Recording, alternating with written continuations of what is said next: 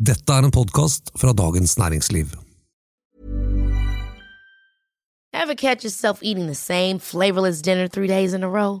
Dreaming of something better? Well, HelloFresh is your guilt-free dream come true, baby. It's me, Gigi Palmer. Let's wake up those taste buds with hot, juicy pecan-crusted chicken or garlic butter shrimp scampi. Mm. Hello Fresh. Stop dreaming of all the delicious possibilities and dig in at HelloFresh.com. Let's get this dinner party started.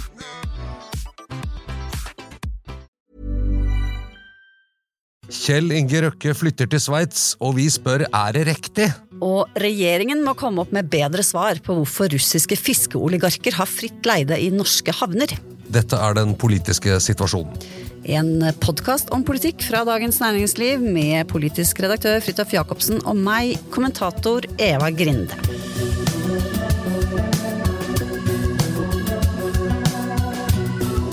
Tirsdag denne uken så brakte løs med en veldig næringslivsavisvennlig nyhet. Kjell Inge Røkke sendte ut en pressemelding om at han flytter til Sveits. Ja, det skrev han. Han skrev ingenting om hvorfor. Han skrev bare at han syns det er pent der. Og så skrev han at det er ikke i den delen av Sveits hvor det er aller lavest skatt. Og så skrev han vel ikke så mye mer, men uh, la oss si det sånn at uh, folk trakk sine slutninger. Ja. Det er Lugano, da, nærmere bestemt. Skatt ble i hvert fall nevnt, og, og ja, vi tror at alle har fått med seg dette eh, Nyheten? Ja, nyheten og etterspillet, hvor det jo eh, var en kø av reaksjoner, og ganske mange si, fordømmende reaksjoner av, Kjell Inge Røkke etterpå, spesielt kanskje fra Arbeiderpartiet og venstresiden i norsk politikk. Som, hadde, ja. som forutsigbart, men eh, litt pikant akkurat når det gjelder Røkke. Ja, det er jo akkurat det, ikke sant, for det er noe Det er jo noe Han er jo liksom sosialdemokratenes egen supermilliardær, på en måte.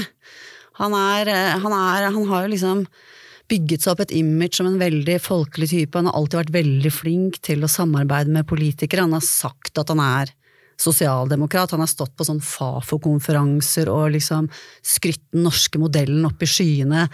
Eh, sånn at det er liksom en sånn Det er nesten så det blir en sånn lite personlig svik også, for eh, en del på i Arbeiderpartiet og LO særlig, så Peggy eh, Hesten Følsvik? Følsvik-hesten? Nei. Hesten Følsvik, ja. Følsvik-hesten, ja. LO-lederen.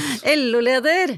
Hun eh, snakket jo om liksom han stikker alle pengene i frakkefòret og drar sin vei. Det er en ganske sånn sterk eh, uttalelse. Og det, det er det at det vekker både oppsikt og fordømmelse når rike nordmenn flytter til utlandet av skattemessige hensyn, det er vi egentlig ganske vant til. Det er jo sånn kjent, det er, vel en slags øvelse. Eh, og så kan det komme litt ulike form formuleringer, men meningsinnholdet er stort sett det samme. Men jeg synes saken ble litt ekstra pikant med Røkke fordi at hans formue er jo knyttet til eh, industri eh, og oljevirksomhet. Men han, Aker-systemet er så mange viktige og tradisjonsrike industri- og arbeidsplasser, i særlig leverandørindustrien, til eh, olje og gass, eh, og sysselsetter veldig mye av det man kan kalle LOs kjernemedlemmer, frontfagsgutta og jentene. Eh, og dermed så har han jo vært en eh, viktig eh, figur og spiller og en ting i en slags sånn triangel mellom eh, altså industrieieren, eh, kapitalen, eh, de ansatte gjennom LO, og regjeringens industripolitikk, altså en del av løsningen. Og det, eh, det, det tror jeg det er ganske sånn faktuelt, ikke sant? at Røkkes Aker-system, som også nå eh, satser voldsomt på en omstilling til mer grønn industri og lage grønne ting, har vært en viktig aktør da, i den regjeringens industripolitikk og ambisjoner. Ja, og de, det, det som er ikke sant, Jeg bare reagerte litt på formuleringen fra Hadia Tajik eh, eh, fra Arbeiderpartiet. Hun var jo også veldig eh, sterkt ute, ikke sant, og snakket om at dette viser jo at nå, nå har han ikke tenkt til å dele noe mer med Norge, eller et eller annet sånt i den duren.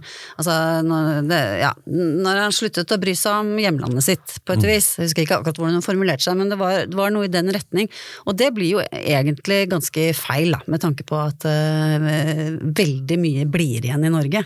Altså, selv om han personlig flytter til Sveits. Det Ja. må man kunne si.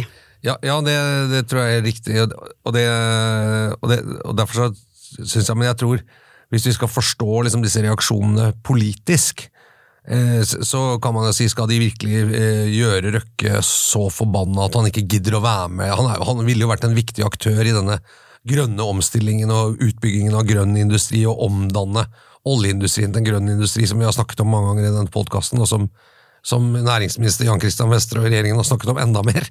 Eh, men Eh, men jeg tror det er litt andre eh, hensyn som gjør at de velger å gå så hardt ut, og det tror jeg, jeg tror det har noe med regjeringens ganske svake og litt sånn smådesperate posisjon å gjøre, at denne flyttingen den ble endelig et sted hvor de kunne få liksom gjenta noe sånn kjente budskap og sette opp en eller annen polarisering.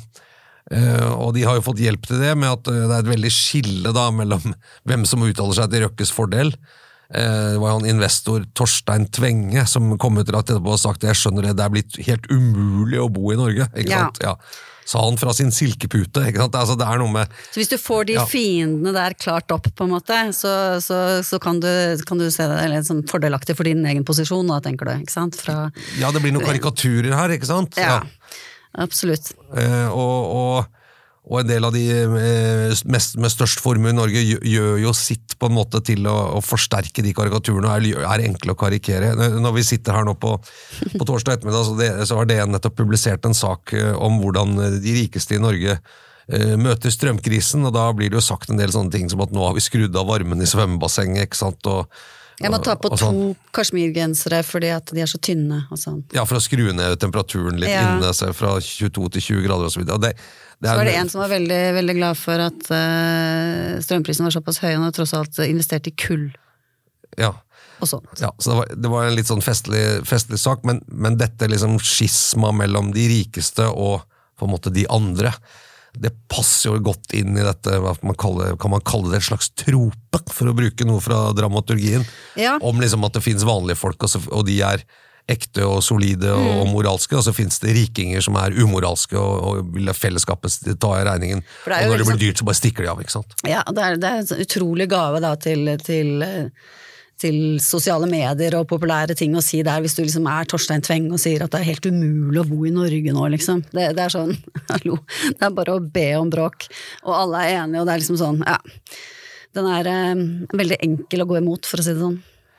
Og for å liksom gå inn i det eh, og gi et lite da, eh, innblikk i det vi kan kalle denne podkastens dramaturgi, så har jo vi et lite triks innimellom som vi bruker for å gjøre podkasten litt mer spennende og dramaturgisk ja. dynamisk. Og ja, vi skal mene noe. Nei, at vi stiller et spørsmål, Ja. så skal vi prøve å besvare det. Så, så mitt spørsmål da, Eva Grinde, det er eh, kan Røkkes flytting til Sveits eh, redde på en måte regjeringen fra enda mer nedtur? Var det dette de trengte for å komme på offensiven? Nei, det tror jeg ikke. Hvorfor ikke det? Skulle, nei, jeg vet ikke. Jeg, syns at det ser ut som den støtten til Røkke er litt bredere enn bare Torstein Tvenge og co. Eh, Jeg, jeg tror man eh, Det er en, en viss forståelse for at, eh, at skatteregimet er i ferd med å stramme seg inn.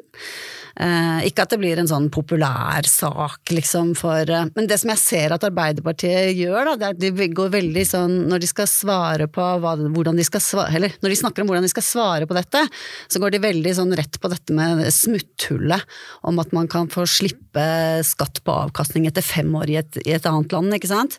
Eh, Men de snakker veldig lite om den, en annen sak, som jo er denne fordoblingen av formuesskatten, som som jo er det som nevnes av de aller fleste som på en måte forstår Røkke, da. Ikke sant? At det er en viktig sak, tross alt. Den snakker de ikke så mye om at eh, man skal gjøre noe med for å, for å, for å hindre disse rike menneskene eh, i å flytte ut, og det er jo litt fordi den er jo mye vondere å, å vende for, eh, for Arbeiderpartiet. Det, det er jo en litt sånn politisk nøtt, det med skatt for de aller rikeste, særlig hvis de eier store deler av norsk industri. Eh, eller viktige deler av norsk industri. Og det er jo at opplever at det er, en, det er et politisk mål at eh, norsk næringsliv og viktig norsk næringsliv skal ha norsk eierskap, også det som ikke er statlig. Eh, man kan selvfølgelig sikre seg ved å kjøpe det ved staten, men, men at vi legger til rette for at det kan finnes eh, kapital- og eiermiljøer i Norge som eier viktig industri i Norge. Eh, og, og, at man er redd for at hvis de eh, kapitaleierne flytter til et annet land, at det oppmerksomheten vil bli om å bruke kapital og utvikle næring i andre land. Det er jo en, det er en reell bekymring som kanskje vil være dårlig for fellesskapet. Og Da eh, er det jo mye som taler for å lage et skattesystem som på en måte i hvert fall ikke gjør det økonomisk altfor krevende for denne relativt lille gruppen mennesker å bli boende her, sammenlignet med hvor mye skatt de kan spare i andre land.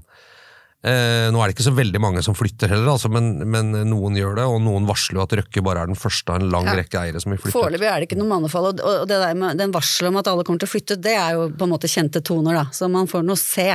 Ja. den der, apropos den artikkelen som vi nevnte her også, der, der hadde det jo ikke kommet over en, en, en, eneste av de de ringte rundt til som sa at de kom til å følge etter Røkke i denne omgang. Nei, det er liksom noen som roper ulvepels, ulvepels, liksom. Eh? Men men så er det det andre, som jo er et helt annet og et utrolig tror jeg, viktig politisk dimensjon med skatt, nemlig rettferdighetsprinsippet, og som er litt i Norge at, at også rike mennesker skal betale skatt. Og jo rikere du er, så jo mer skatt må du være med å betale. Og det som har blitt løftet fram med Røkke også, er jo det at grunnen til at han har blitt rik, har jo kommet litt, også fra Peggy Hessen Følsvik og, og også deler av, av Arbeiderpartiet. Han har sagt at han er blitt rik fordi han har fått bruke både norsk kan du si, humankapital, arbeidsstokk, Eh, og vår infrastruktur og våre naturressurser. Eh, og dermed så har han en slags moralsk forpliktelse til å bli i Norge og skatte under det rådende regimet. Eh, og det, det, tror jeg kanskje gjør noe mer inntrykk. Men jeg er litt uh, det, Ja, at det er liksom et litt mer vektig argument. At det å bli uh, veldig rik på liksom, å drive industri, da er det jo veldig mange som har jobbet sammen for å skape disse verdiene. Mm. Motargumentet er jo selvfølgelig ja. at han også da har fått all denne industrien til å skje. Ikke ja. sant? Og, og, og, så er det selvfølgelig et kjempevanskelig historisk spørsmål å tenke liksom sånn, er det avhengig av enkeltpersonen Kjell Inge Røkke, eller ville noen andre kommet inn og gjort det samme? Og Sånt er jo ganske umulig å si, si sånn helt sikkert, men, men, men man er jo ikke i tvil om at han har eh, fått til veldig mye ved å være den han er. Og være den driftige personen han er, og den, eh, den eh, business-sharpe typen som han er. Ja, men jeg, jeg, tror, jeg, tror, det er et slags prestisjenederlag for Arbeiderpartiet, fordi Røkke har vært et slags eksempel når andre syter på å ha sagt at altså hvis Kjell Inge Røkke, som er så rik og driver industri, kan bo i Norge og er fornøyd med det, da blir det liksom litt fattig når andre som er mye mindre rike enn han, sier at de ikke orker å bo her lenger. Eh, ennå, han har faktisk betalt ganske mye skatt også de siste ti årene. Eh, så, så det, er, det, er, litt sånn prestisjenederlag, tror jeg, at han ja, da flytter. Og så Tilbake til det spørsmålet ditt. Akkurat når det gjelder Røkke, så er jeg ikke helt sikker på hvor det lander, lander ned igjen. Litt av det samme grunn, da. For at når han som jo da har bygget seg opp det imaget. Altså, så kan man tro mer eller mindre på det, da, selvfølgelig, om det liksom har vært lurt og strategisk fra hans side eller ikke. Men når han sier at liksom nei, dette blir for, dette blir for drøyt og for vanskelig, så tror jeg kanskje folk, flere folk er tilbøyelige til å gå inn på hans banehalvdel og prøve å forstå det fra den kanten. Ja, eh, enn en så lenge så har han jo ikke sagt så veldig mye, bortsett fra at han ga et intervju til DN som, som ble publisert, men som var gitt for noen uker siden, hvor han sa at venstresiden. Det var noe som at Man mente at venstresiden tror de har en slags monopol på hva, på hva som er god moral. Eh, som man jo da underforstått mente at det, det bør de kanskje ikke ha. Eh, men, men, jeg tror, hvis vi får en sånn debatt om skatt og skatteprofil, eh, og vi har noen eksempler med liksom åpenbart mennesker som har veldig veldig mye penger, og som selv etter både høyere strømutgifter og en del skatt vil ha nok penger til å leve et veldig godt liv, fortsatt klager over skattenivå, eller blir fremstilt på den måten, så tror jeg det kan spille inn i det statsbudsjettet som kommer nå om noen uker.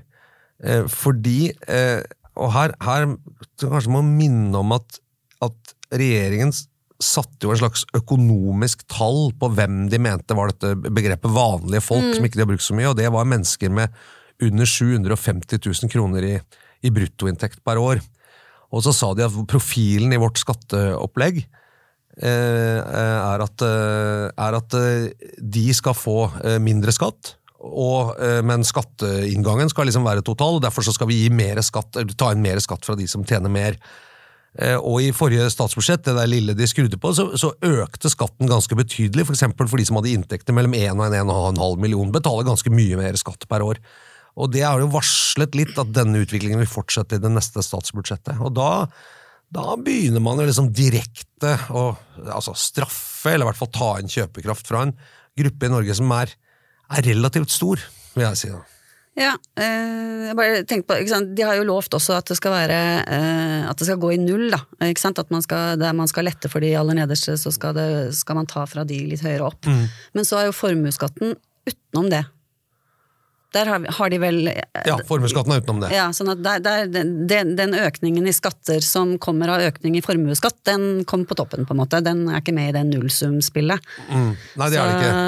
Men, men jeg vet ikke um, Jeg vet ikke om jeg skjønte helt hvordan den sammenhengen var med de hva skal vi si, upper middle Ja, hvis du kan si at det som er litt sånn øvre middelklasse, da. eh, Og de som ut. Som jo er en ganske betydelig velgergruppe i Norge. Eh, hvis de opplever i neste statsbudsjett at de på toppen av høyere strømregninger og litt høyere mat og generelt Mm. høyere kostnadsnivå også får en skatteøkning på la oss si 20 000-30 000 kroner i året, eh, som du kanskje kan få da hvis det, husstandens samlede inntekt er 2,5 millioner eller noe sånt. Nå. Eh, De så- skru ned badestampen, da. ja, men det er ikke sikkert de har så mye av det å skru ned på heller. Men, men, eh, men, det, men det jeg tror det kan ikke sant? Det vil jo kanskje gjøre, hvis vi sier at Arbeiderpartiet nå er rundt 20 så vil det kanskje kunne være Altså Det vil gi en tydelig profil i budsjettet, eh, som er en fordelingsprofil, og liksom hvem du satser på. Men på den annen side så vil det også kunne brukes veldig mye av Høyre ved at skatt og for høyt skattenivå, i hvert fall til en del grupper, syns det. Og, og nå snakker vi ikke om de aller rikeste. Nei, nei. Men om Det- liksom vanlige rike folk, for å si det sånn. Ja. Eller folk med sånn god økonomi, da, som vi kan si. Og at de da sier nei, vet du, nå er det for mye, nå går vi til høyre. ikke sant? Eh, For det, dette, dette blir for mye skatt, da, rett og slett. Og Jeg jeg er litt interessert i om i etterkant av Røkke, om det kan bli en sånn Om man sier Røkke flytter, vi skal ta de rike, men, men de rike det er liksom ikke Røkke, det er de som tjener over en million. Nå skal de få svi i neste Ja, ja, hvis, da, hvis de konkluderer på den måten. Ja. Og, og, og da vil jo også svaret liksom om, om dette vil være bra for eh, regjeringen og Arbeiderpartiet eh, i enda større grad være, være nei, da, i så fall. For jeg tenker at det, det er jo det, Man har jo snakket om det er sånn høy, høyutdannede grupper og i byene videre. Kanskje akkurat denne gruppa her med sånn type litt høyere lønn enn 750 000, eh, har de jo allerede greid å eh, liksom, dytte litt fra seg. I hvert fall så man det på analysene fra valget. Om det nå har endret seg, tviler jeg på, men eh, ja. Altså, jeg, er litt, jeg er litt sånn spent på den Jeg er både spent på realitetene da, i skatteprofilen i det budsjettet, men også, eh, men også måte i retorikken rundt det. Men i hvert fall så tror jeg den røkkeflyttingen har gjort at man kan lage et liksom sånn slags mye mer sånn retorisk reisverk som kan forsvare mye mer enn flytting av skattebyrden eh, fra de under 750 000 og i enda større grad opp til de som har litt sånn eh, høyere inntekter da, i middelsklassen.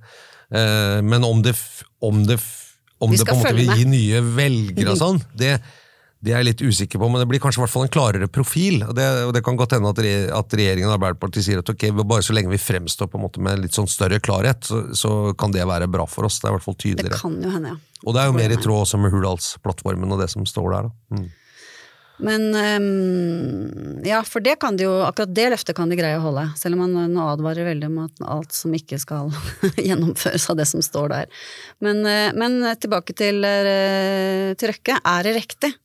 Er det riktig, Fridtjof? Skal han bare flytte? Ja, jeg mener han kan flytte akkurat hvor han vil. Det, det, òg. ja, og poenget er at Røkkes Flytte selskaper Røkke. vil jo fortsatt betale en masse skatt. Eh, og de selskapene som er direkte involvert i å ta opp eh, olje og gass, de må jo betale grunnrenteskatt osv. Så, videre. så, så, så egentlig når man snakker om det at man, man liksom bruker fellesskapets ressurser for å tjene penger og lage profitt, så, så mener jeg det ligger i selskapsskatten og den andre typen beskatning at virksomhetene må betale skatt nettopp av den grunn at de nyter godt av en del fellesgoder i virksomheten. også-. Han har vel også antydet, da, i hvert fall via noen eh, kolleger og sånn, at, eh, at, eh, at han skal benytte sjansen til å ikke ta ut disse 500-600 millionene, eller hva det, hva det var han måtte ha tatt ut for å betale formuesskatt, men la de virke i selskapene, og så kan man, ja, det, det kan jo ha positive effekter for næringslivet. Ja. Eller for, for bedriften hans. Det er i hvert fall eh, ja. Men det, er i hvert fall retorikken på den andre siden, da. En spektakulær flytting, da, det kan vi i hvert fall Ja, eh, konstatere. slå Selv om det er litt sånn selvfølgelig å si. Så, men, men jeg er litt spent på liksom hva det hvilken, hvilken ja. debatt som kommer i det etterpå. Det er veldig ja. fint der. Ja, ja, selvfølgelig er det fint der. Det er veldig fin innsky. Jeg var der en gang jeg hadde spilt eh, saksofon for den lichtensteinske fyrsten. Akkurat. Mm, da tok vi en tur nedom Lug- Lugano. Fikk du betalt for det? Jeg var, jeg var vel elleve eller noe sånt. Oh, ja, okay. Det var korpset. Korps, ja. Ok. Fyrsten var var grei, eller? Det var stort. Ja, han var veldig skuffende. Så jeg kom ut med sånn bustete hår og gul genser og sånn. Jeg, jeg hadde ventet meg litt mer sånn Hermelin-variant. Kanskje morgendagens elleveåringer i Asker skolekorps, skolekorpsen i Asker kan komme ned og spille for Røkke i Det Lugano? kan hende. Kan hende. Det vil jo være en måte Det vil jo i hvert fall ha et filantropisk tilsnitt, hvis han betaler Ja, tur og kost og losji. Eh, vi skal over til noen som har veldig lite filantropiske tilsnitt, nemlig russiske oligarker etter dette.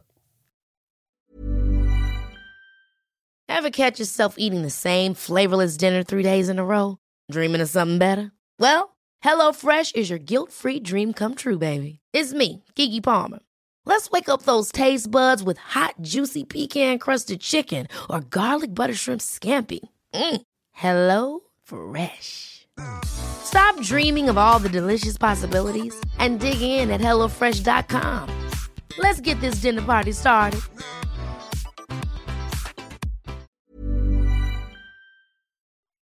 For Eva, eh, det, det er en kontrollsak i gang eh, på Stortinget, eh, som handler om et, litt sånn teknisk spørsmål, nemlig om russiske fiskefartøyer over en viss størrelse skal ha tilgang til norske havner.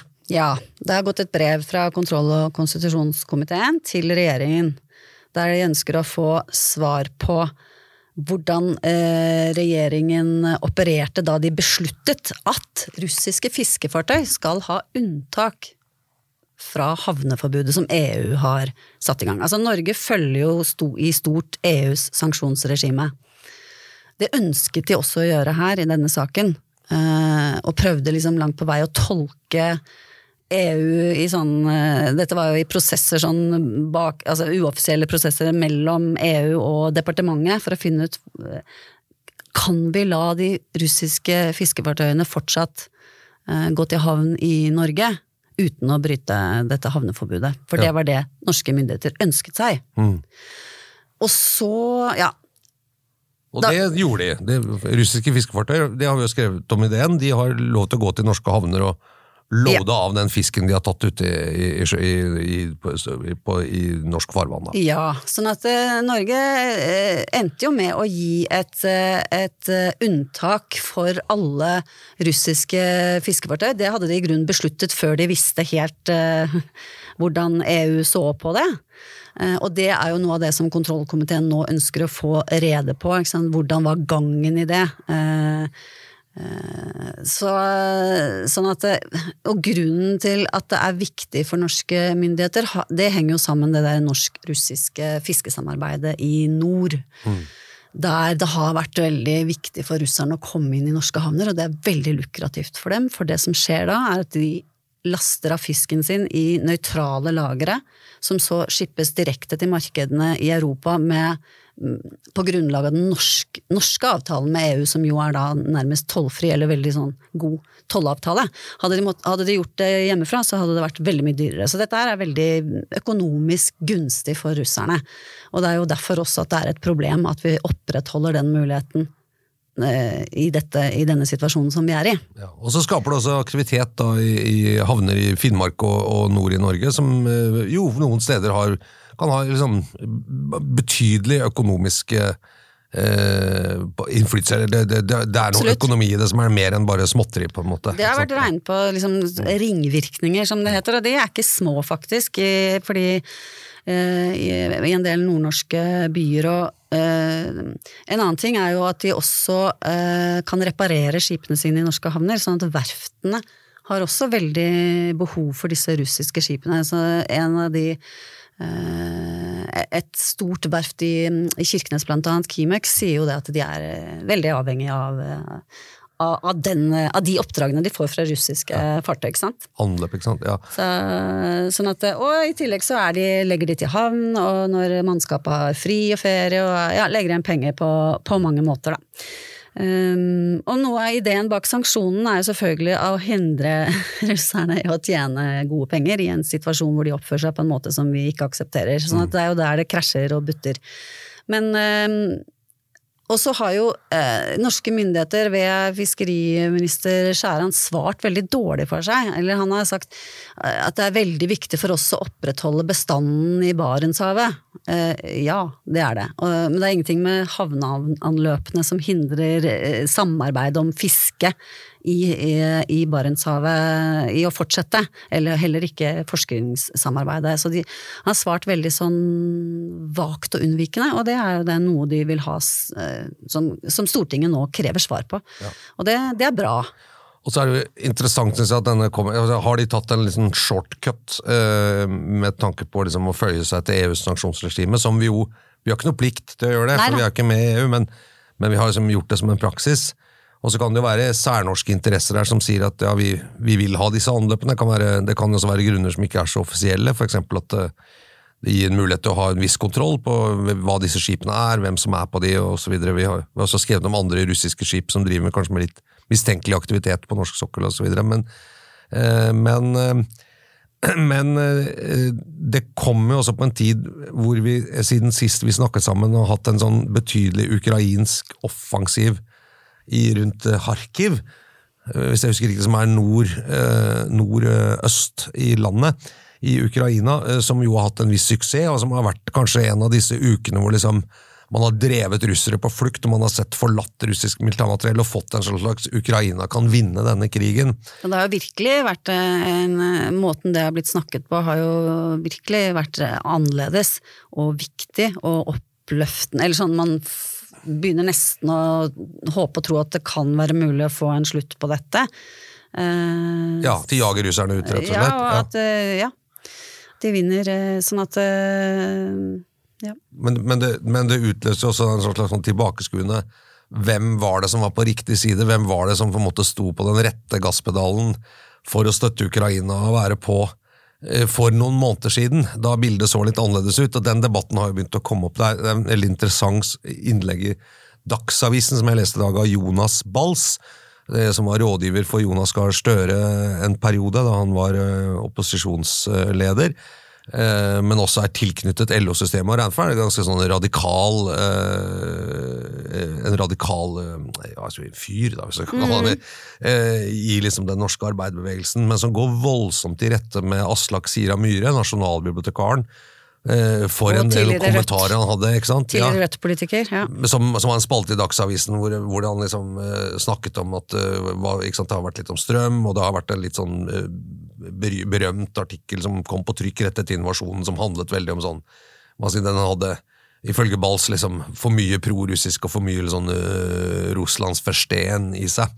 Så Det var interessant oppgjør med de to. Det, det ligger åpent, så vidt jeg tror, på Dagsavisen, så de som er interessert, kan, kan lese det.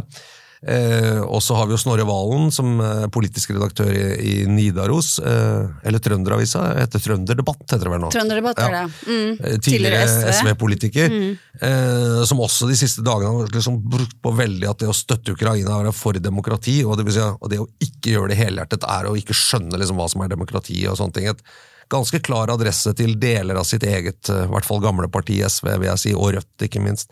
Ja, så, så to... debatten kommer nå. Hm. Ja, for det er, det, er liksom, det, er det er, jo, to måter man kan svare, eller liksom, hovedmåter vi svarer på, på den krigen på. Det ene er våpenstøtte og leveranser til ukrainerne helt direkte, og det andre er sanksjoner.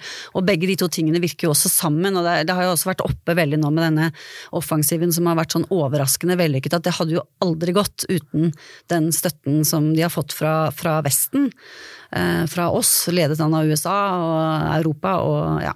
Sånn at, eh, og at, at, sanksjonene Og noe av den samme argumentasjonen går jo på liksom hvor unnfallende eller hvor prinsipiell er du når det gjelder sanksjoner. Og, og dette, dette, med at, at Norge lar disse inkludert en styrtrik oligark som er Putin-vennlig og Putin, har støttet Putin i valgkampen og sånn, lar, lar, han på en måte fortsette å berike seg på, på den ordningen, eh, til tross for at eh, hvis man skulle fulgt EU, som man gjør i alle andre nesten alle andre tilfeller, så skulle, de ha, skulle de ha vært sanksjonert eller forbudt å anløpe. Eh, og at det er eh, at det handler mer om at det er bekvemt, da, og hvor ålreit er det å eh, ikke sant? Det er denne moralske debatten som ligger egentlig i bunnen her, som gjør det spørsmålet mye mer enn teknisk, da. Ja, og det, og det er jo jeg, det er et eller annet med timingen på det som kanskje er en litt sånn knirkete kontrollsak i Stortinget. og som eh, Stortinget har fortsatt ikke trådt sammen etter ferien, det skjer først i oktober osv. Men at det er noe med timingen at hvis dette skal opp i en periode hvor Ukraina ser ut til å være liksom voldsom fremgang militært, og kanskje Russland taper, eh, taper eller blir jagd ut av hvert fall deler av, av landet, så, eh, så vil liksom alt som har vært tilløp til å liksom være vankelmodig eller tenke på seg selv når det gjelder liksom å støtte Ukraina, for vi vet at ukrainerne selv har reagert voldsomt på dette unntaket. Det har de jo sagt noe så offentlig. Altså, Zelenskyj altså, fikk jo full applaus fra hele Stortinget da han sa det direkte eh, på skjerm ikke sant? Ja. I, I, slutten av mars. Eh, vær så snill, eh, steng, havnene. Ja, ikke sant? Ja.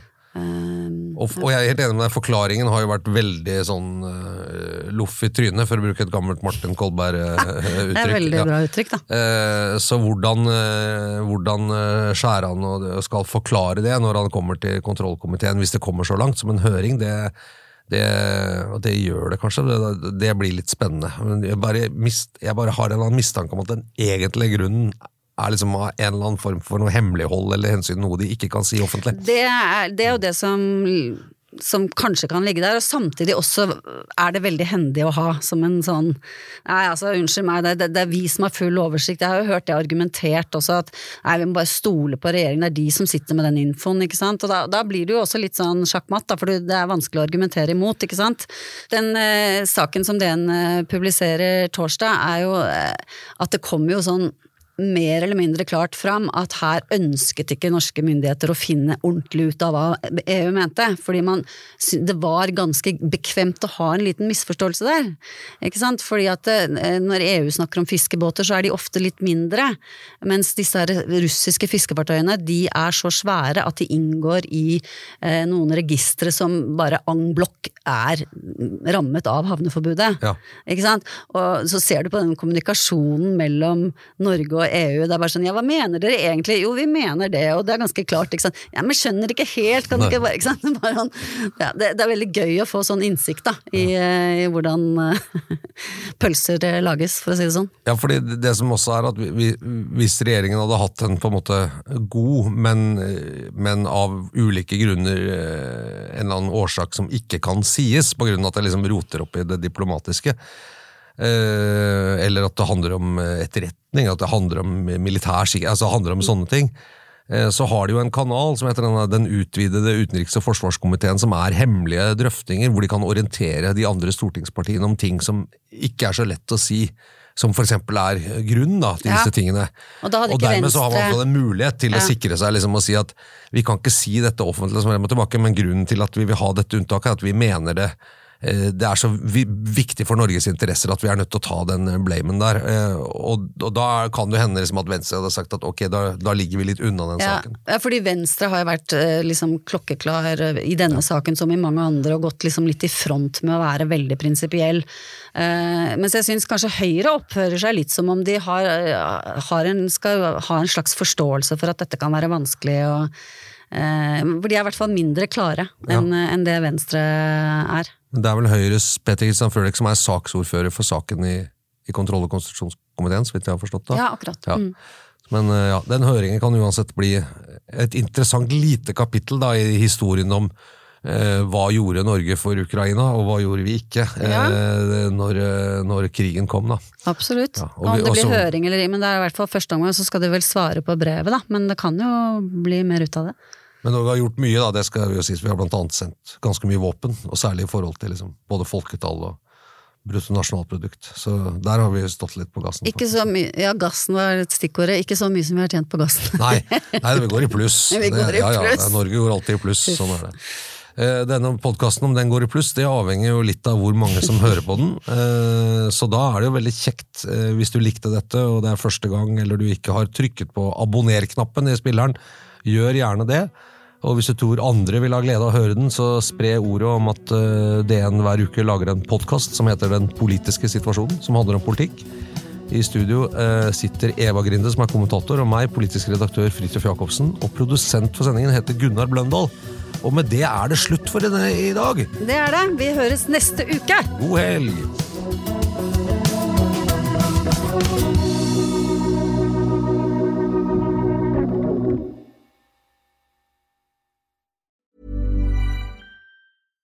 Ever catch yourself eating the same flavorless dinner three days in a row? Dreaming of something better? Well, HelloFresh is your guilt-free dream come true, baby. It's me, Kiki Palmer. Let's wake up those taste buds with hot, juicy pecan-crusted chicken or garlic butter shrimp scampi. Mm. Hello Fresh. Stop dreaming of all the delicious possibilities and dig in at HelloFresh.com. Let's get this dinner party started.